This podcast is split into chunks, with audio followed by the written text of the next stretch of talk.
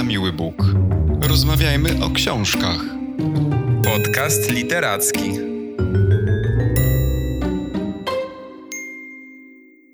Witamy Was wszystkich w kolejnym odcinku na Miły Bóg. Dziś będziemy rozmawiać o książce, którą przeczytał Maciek i od razu Maćku oddaję Ci głos, żebyś polecił wszystkim nowy tytuł. Tak, polecam zdecydowanie, mimo że jeszcze nie wiesz, co o książce powiem, ale zgadłeś, polecam tę książkę. Natalka Suszczyńska, Dropie, książka z ubiegłego roku, wydana e, nakładem wydawnictwa Korporacja Hart.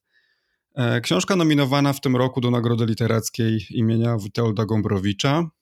No i cóż mogę powiedzieć, genialna. Genialna, naprawdę zabawna, ale w taki słodko-gorzki sposób. To znaczy, zabawna tak, jak bawią nas wesołe piosenki o smutnych e, słowach. Dopóki nie wsłuchamy się w słowa, to słyszymy wesołą melodię. E, I zresztą to jest chyba też taka książka trochę o ludziach, którzy właśnie zatrzymują się na melodii i nie słyszą albo nie chcą słyszeć słów. Sama książka nie jest zbyt duża, to jest tam 170 kilka stron, na które składa się pięć opowiadań o współczesnym świecie. Celowo nie mówię, że o Polsce, bo myślę, że te opowiadania dotyczą bardzo uniwersalnych problemów i też jako osoba, która już żyła w kilku krajach, e, mogę to potwierdzić, że czasami nam się tak wydaje, że, że te takie wszystkie najgorsze rzeczy dzieją się w Polsce, ale tak nie do końca jest, bo część z tych problemów jest na tyle uniwersalnych, że obojętnie czy w Berlinie, czy w Barcelonie też je na pewno spotkamy. Ale zanim przejdę do, do tych problemów, e, chciałbym powiedzieć o genialnym pomyśle, jaki autorka znalazła na to opowiadania, bo to jest groteska, surrealizm, właściwie absurd wylewa się tam z każdej strony. E, I wydaje mi się, że w tym gatunku e, czyha zawsze jakieś takie niebezpieczeństwo, że na przykład jest fajny pomysł, e, jakiś punkt zaczepienia, a jakby już autorom nie starcza wyobraźni na samo wykonanie, na tą całą resztę, wiesz, na te wszystkie detale. E, a tutaj mm, no, byłem mile, mile zaskoczony, że mm, Natalce Suszczyńskiej starczyło i wyobraźni. E, I myślę, że coś jej jeszcze nawet zostało z tego, co, co zużyła. No bo nie można przejść obojętnie y, obok takich pomysłów, jak na przykład, już pierwsze zdanie zresztą. Wskutek recesji na rynku nieruchomości zmuszona zostałam podówczas do zamieszkania w psiej budzie. Okej. Okay. I właśnie pierwsze opowiadanie jest o dziewczynie, która mieszka z psem, y, dzielą wspólnie budę. No i oboje codziennie wychodzą y, do pracy. On zmienia światła, siedząc pod skrzyżowaniem a ona pracuje w bankomacie, gdzie sprawdza poprawność PINów wpisywanych przez e, klientów.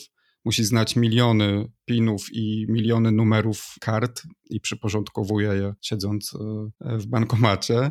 Później zresztą e, ma taką chorobę pracowniczą, która, która zostaje zdiagnozowana jako kaszel pieniężny.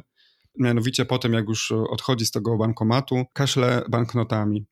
No i e, cóż, mamy też chomika jasnowidza, który przewiduje zwycięzców nagród literackich. E, są też oczywiście obcy. E, są też gadające ptaki, to są właśnie te tytułowe dropie. Ale absolutnie hitem jest pomysł na to, żeby do Polski wysłać uchodźców z krajów Beneluxu. W Polsce mieszkają właśnie uchodźcy z krajów Beneluxu, których skusiły umowy śmieciowe. A gdy nie udało mi się zahaczyć na naszym rynku pracy, skierowano ich na takie szkolenia, czy to były takie szkoły policjalne z vlogingu i unboxingu. Także no, yy, naprawdę te pomysły są totalnie odjechane i wydawałoby się, tak powiedziałem wcześniej, że, że czasami pomysł jest fajny, a to wszystko, co jest obudowane wokół tego rdzenia jest kiepskie, natomiast tutaj wszystko od początku do końca się klei, jest świetne. Ten absurd jest zaplanowany od początku do końca i tam wszystko się zgadza. No to bardzo mnie uspokoiłeś, muszę przyznać. No ta forma y, brzmi bardzo ciekawie, no ale rozumiem, że poza tym groteskowym tą groteskową i nierealną satyrą, którą, o której tutaj opowiadasz, jest też jakaś taka realna myśl, która miałaby być y, bliska polskiemu, czy też jak powiedziałeś, uniwersalnemu społeczeństwu. Y, I chyba mam tutaj rację, tak? No więc no właśnie nie bez powodu powiedziałem o tych na samym początku o tych piosenkach wesołych, które mają smutne słowa, no bo to jest właśnie ten, ten rodzaj e, przekazu, że, że ta książka jest właśnie zabawna, ale w taki słodko-gorzki sposób. Forma jest właśnie e, wesoła, zabawna, ironiczna, natomiast ten przekaz jest e, w gruncie rzeczy bardzo pesymistyczny, jest smutny, bo Książka opowiada w głównej mierze o problemach e, prekariatu, e, o problemach współczesnych milenialsów, hipsterów. No, czyli właśnie są umowy śmieciowe, brak stabilności zawodowej, czy w ogóle taki bezsens pracy, e, jak właśnie te wspomniane przeze mnie zajęcia, które wykonywały, wykonywała dziewczyna i pies, prawda? Takie właśnie wykonywanie pracy, która jakby nie ma większego sensu. Czy na przykład w przypadku tej dziewczyny też miałem taką myśl, że, że to są też pokazani ludzie, którzy na co dzień pracują z wielkimi pieniędzmi, a sami ich nie mają. I to jakby nie tylko dosłownie z pieniędzmi, ale przecież ile naszych znajomych podpisuje na przykład wielotysięczne umowy, nie? czy sprzedają na przykład produkty czy usługi na setki tysięcy euro e, i naprawdę mogą mówić o wielkim szczęściu, jeśli od tej sprzedaży przysługuje im jakiś bonus. Ale ja znam ludzi, którzy podpisują duże umowy, E, czy na przykład przynoszą do firmy bardzo duże pieniądze, natomiast e, nie mają żadnego bonusu od tych kwot e, i sami zarabiają tak naprawdę niewiele. Bardzo dużo w tej książce jest ogólnie o braku pieniędzy. Ona, ta książka naśmiewa się też z konsumpcjonizmu, czy punktuje ogólnie takie problemy ekonomiczne. No i jednym z tych problemów jest brak mieszkań, albo mieszkania na przykład małe, ciasne, ciemne, za jakieś duże pieniądze. W związku z tym ci ludzie ciągle się muszą przeprowadzać. A jak się muszą przeprowadzać, no to, to nie czują się bezpiecznie, towarzyszy im taka niepewność jutra, chociaż powiedziałbym, że nawet nie tyle jutra, co, co w ogóle niepewność nawet dnia dzisiejszego.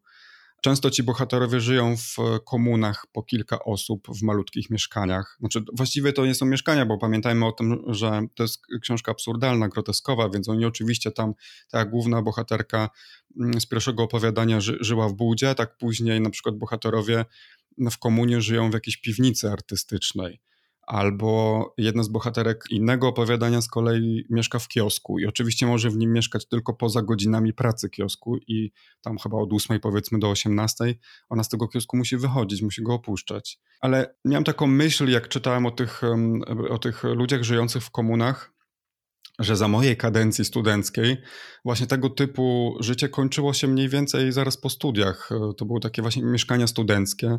A teraz mam takie wrażenie, że to się jakoś tak przeciąga do trzydziestki albo nawet i później. Na przykład w krajach zachodnich takie rozwiązania mieszkalne są na porządku dziennym i to do znacznie późniejszego wieku. Tak, to taki trochę smutny obraz tego, że mimo tego, że żyjemy w świecie z większą ilością możliwości, no to też sytuacja, czy to ekonomiczna, czy jakakolwiek inna, wprowadza nam jakieś dodatkowe ograniczenia, których wcześniej, wcześniej nie było, prawda? Tutaj jakby wydaje mi się, że ta sytuacja jest o tyle tragiczna, że my y, jako to młode pokolenie nie mamy trochę możliwości zmiany tego i dlatego y, w wielu przypadkach wygląda to tak, jak opisujesz. Tutaj może nie będziemy jakby wchodzić w szczegóły, no bo jakby jednak chcemy rozmawiać o książce bardziej niż o, o, problemach społecznych, ale muszę powiedzieć, że nawet to już nie jest kwestia tego, że ludzie nie mają pieniędzy, tylko bardzo często jest tak, że chętnych na mieszkania jest po prostu za dużo i wszyscy mają e, e, pieniądze,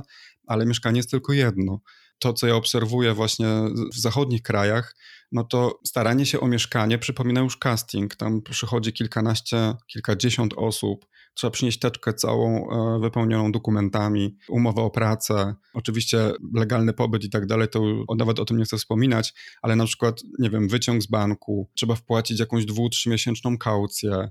No, trzeba pokazać, że ma się dochody, bo bardzo trudno też takiego nierzetelnego lokatora potem wyrzucić. Natomiast w Polsce wygląda to jednak trochę inaczej. Myślę, że wciąż jeszcze wynajmując mieszkanie w Polsce, dostaje je ten, kto zgłosi się jako pierwszy tak naprawdę i wyrazi chęć wynajęcia mieszkania. Natomiast na zachodzie ja mam znajomych w Berlinie na przykład, którzy chodzili oglądać mieszkania 20-30 razy i za każdym razem je odmawiano, bo wybierano kogoś innego.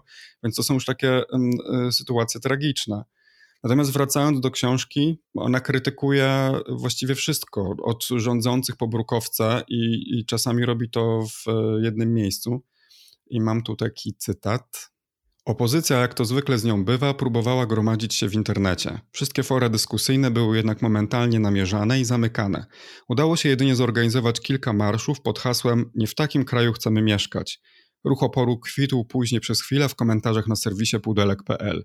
Wszyscy zainteresowani z łatwością odczytywali rewolucyjne podteksty w sformułowaniach pierwszy wykrzyknik 111.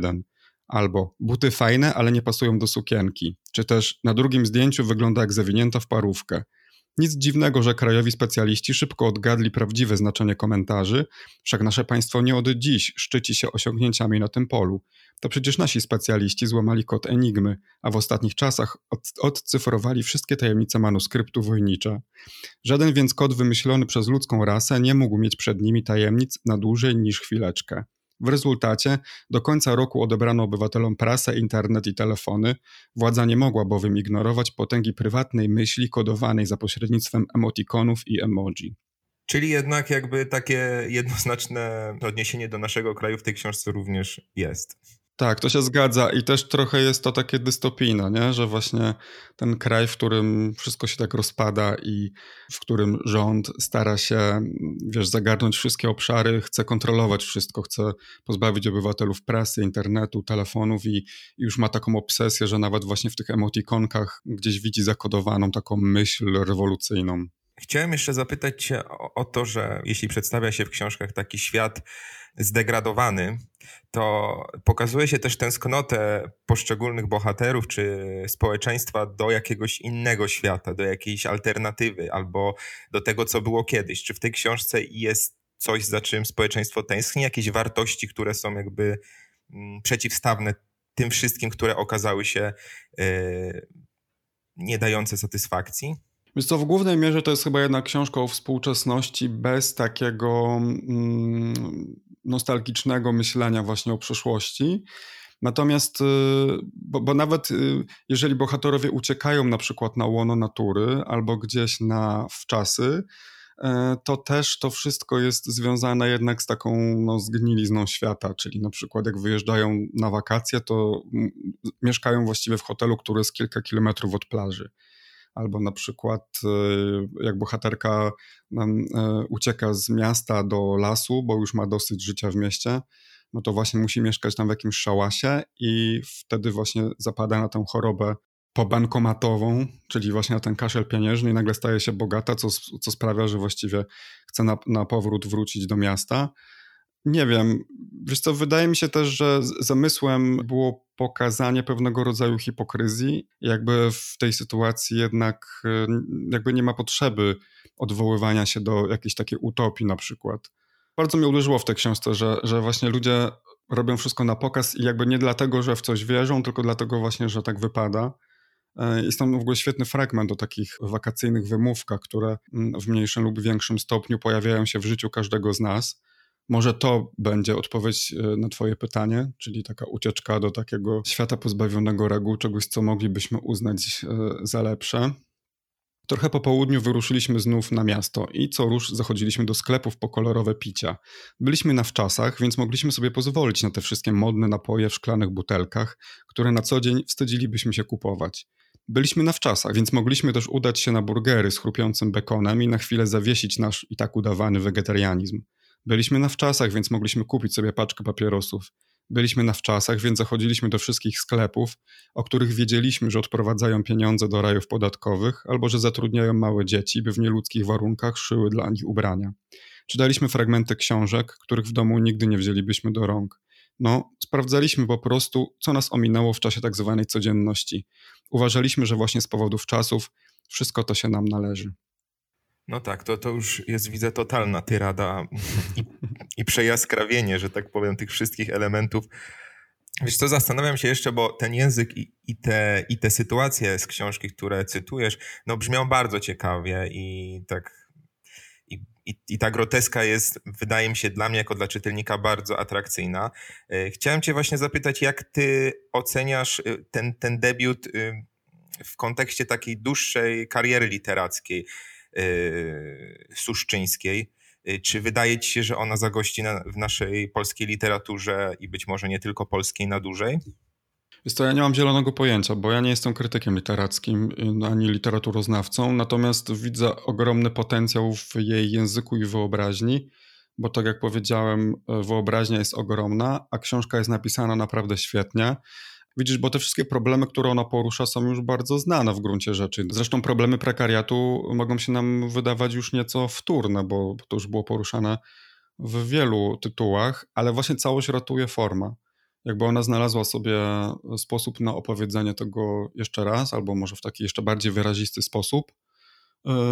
I posługując się językiem właśnie bardzo swobodnie i bardzo, bardzo chciałbym zobaczyć e, tę autorkę w takiej dłuższej formie, właśnie na przykład w powieści.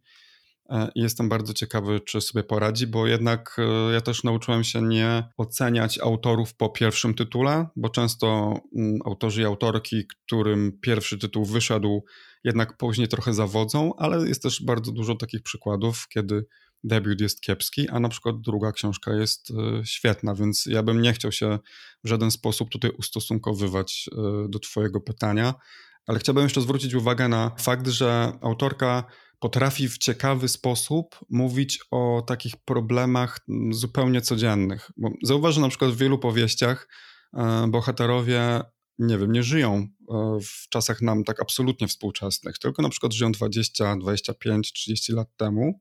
I to są książki tak naprawdę opowiadające o współczesności, ale to są książki, w których na przykład nie ma internetu i nie ma telefonu i nie ma YouTube'a i Facebooka i innych social media, dlatego że gdyby autorzy chcieli w jakimś stopniu jednak, aby ich powieść była realistyczna, no to ci bohaterowie w gruncie rzeczy przez połowę książki musieliby pisać ciągle do kogoś wiadomości, albo odświeżać Facebooka, albo oglądać e, klipy na YouTubie. I myślę, że dlatego tego się po prostu nie robi. I też trudno na przykład zagmatwać jednak fabułę czy losy bohatera, jeżeli ma on ze sobą smartfona, nie? no bo jednak trudno, aby bohater się na przykład zgubił w mieście, co jest dosyć wygodną formą skomplikowania życia bohaterowi, jeżeli ma ze sobą smartfona i Google Maps. Nie?